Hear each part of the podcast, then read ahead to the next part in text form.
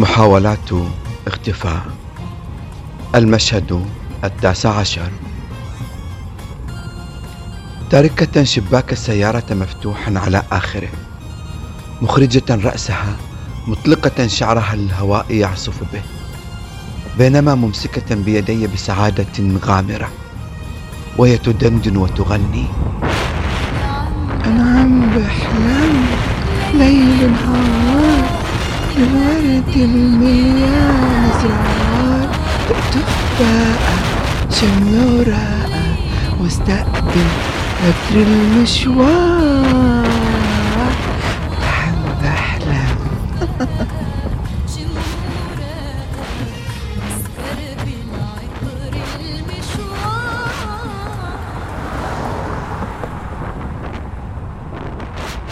في كل مرة أنظر إليها لا أصدق أنها معي. هذه العصفورة المحلقة تسكن عشي. أنا وحدي.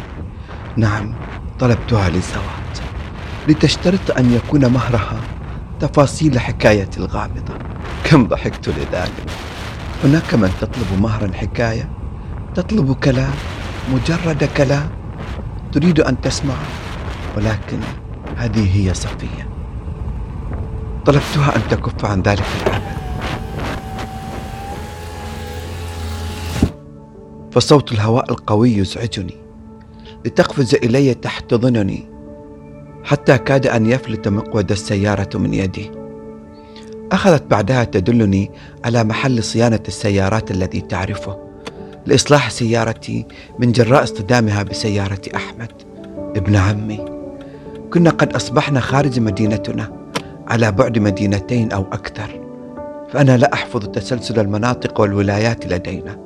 بعكسها هي لن يتوقع أحد من أهلي حضوري لهذه المدينة حيث لا يوجد لدينا هنا معارف قد أذهب إليهم. إن ظنوا ذلك أهلي في بحثهم عني.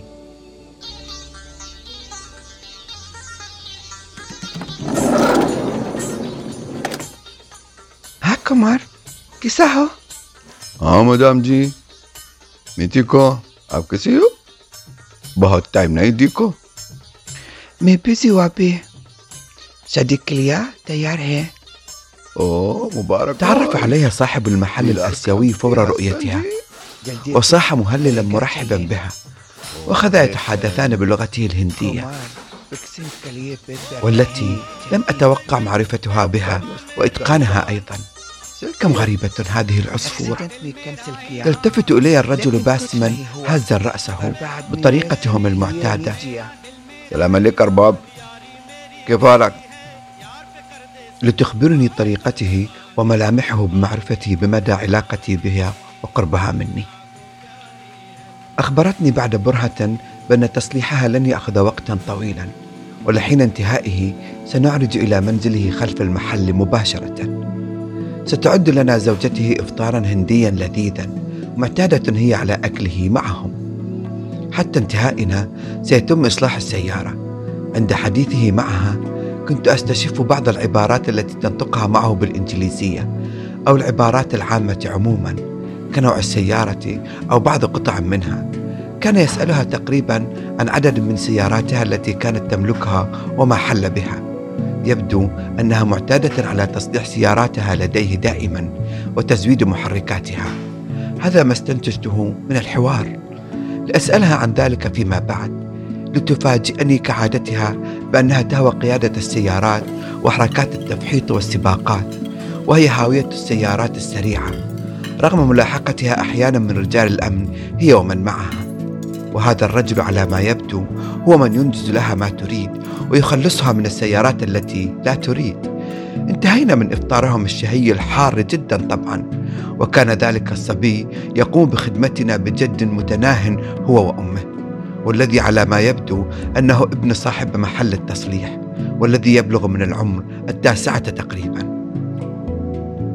وما لفت انتباهي مداعبتها إياه ومشاكستها له والأغرب طريقة استقباله لها حيث جرى نحوها ليحتضنها بقوة وتشبث وتضاحكه وتقبله وتناديه باسمها صفية. قامت بإخباره شيئا ما لينطلق راكضا وهو يبتسم. لم تترك لي فرصة الاستفسار عن ما يحدث بينهما لتخبرني ذلك بنفسها. تخيل هالولد الولد في سيارتي. صدفة إني كنت أزود عندهم وجاء أم الطلق. ركبت هالموستنج وور على المستشفى إلا ما لحقنا عليه. ولدت فيه المسكينة في السيارة. طبعا إكراما لي سمى الولد على اسمي صفية.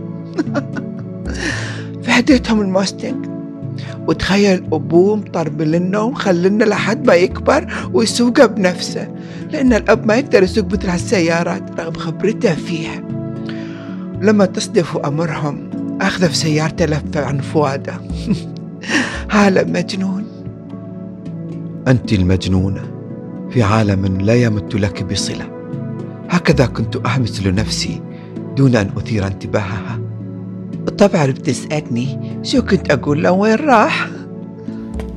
ليطل الطفل راكضا ومعه مفاتيح السيارة يضعها في يدها تحمس في أذنه بشيء ما وهو محركا رأسه بعفوية طفولية مؤشرة لي بأن أتبعها لتأخذني بجولة في السيارة المعنية الذكر سلفا يلا تعال اركب. ولا تخاف سواقة الحريم يا نونو لأتجاهل ذلك التعليق. إنها تحفظ سكك تلك الحواري جيدا وكأنها تربت بها أو عاشت فيها زمنا. لاحظت استغرابي عند توقفها المفاجئ أمام إحدى المزارع الكبيرة. والتي تضم بداخلها منزلا كبيرا وكأنه أحد القصور الأندلسية في قصص ألف ليلة وليلة. هذا بيتنا. اللي لو ما احتياجهم لوجودي كوريثة كان انباع من زمان. لكن غيابي وتمردي خلاهم يلغوا فكرة بيع أي شيء في شراكة بيني وبينهم بالورث. لأن صعب على كبريائهم وغرورهم استقبالي أو مطالبتهم إلي بالعودة. حتى لو كان يتنافى هالشيء مع مصالحهم المادية. آه ما استلمت شيء من الورث ورافضة هالشيء الحمد لله أنه ترك لي في حسابي مبلغ محترم. من شغلي بعد طبعا ولا كنت برجع لهم. لم أعلق على حديثها رغم أني كنت أتمنى أن أقنعها بالعودة لدفء أسرتها ولكني أرجأت ذلك حتى يتم زفافنا. لأعود بها بنفسي إليهم فحين تعود يعرفون بمن تزوجت وابن من فتكون عائدة بحشمتها وعزة زوجها بعكس ما كانوا يرونه منها سابقا. ستتغير ردة فعلهم تجاهها. أخذت عدة جولات بتلك السيارة المزعجة وكأنها تستعيد ذكريات قديمة بين طرقاتها وأزقتها والمحال القديمة الموجودة على أطراف الحواري.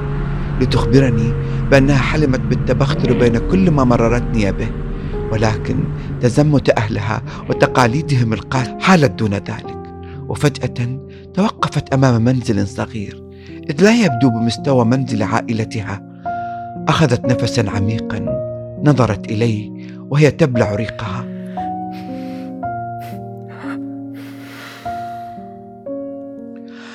بسلم على هنوت أدركت استغرابي للاسم وهي باسمة. أختي المطوعة مخبرتنك عنها قبل. تبسمت لها وأومأت بالموافقة على ذهابها. ترجلت من السيارة متجهة للداخل دون طرقها للباب أو جرسه. تناءل مسمعي بعد الصراخ لصبية على ما يبدو فرحين بقدومها. ثم عم الصمت ثم صراخا مختلف. وأنا في حالة ارتباك لا أعرف ما علي فعله طال انتظاري لها هل أطرق الباب وأسأل عنها؟ ماذا أقول لهم؟ ومن أكون؟ فنحن في بلد شرقي لا يؤمن بالعلاقات قبل الزواج ايا يكن الأمر وهم كما قالت لي عنهم أناس ملتزمين دينيا وخلقا اذا ما الذي أفعله وفجأة يفتح باب المنزل يخرج منه رجل طويل القامة عريض البنية كان متعرقا محمر الوجه. طلب مني الترجل والحديث معه رجل لرجل. من يكون؟ أهو زوج هند؟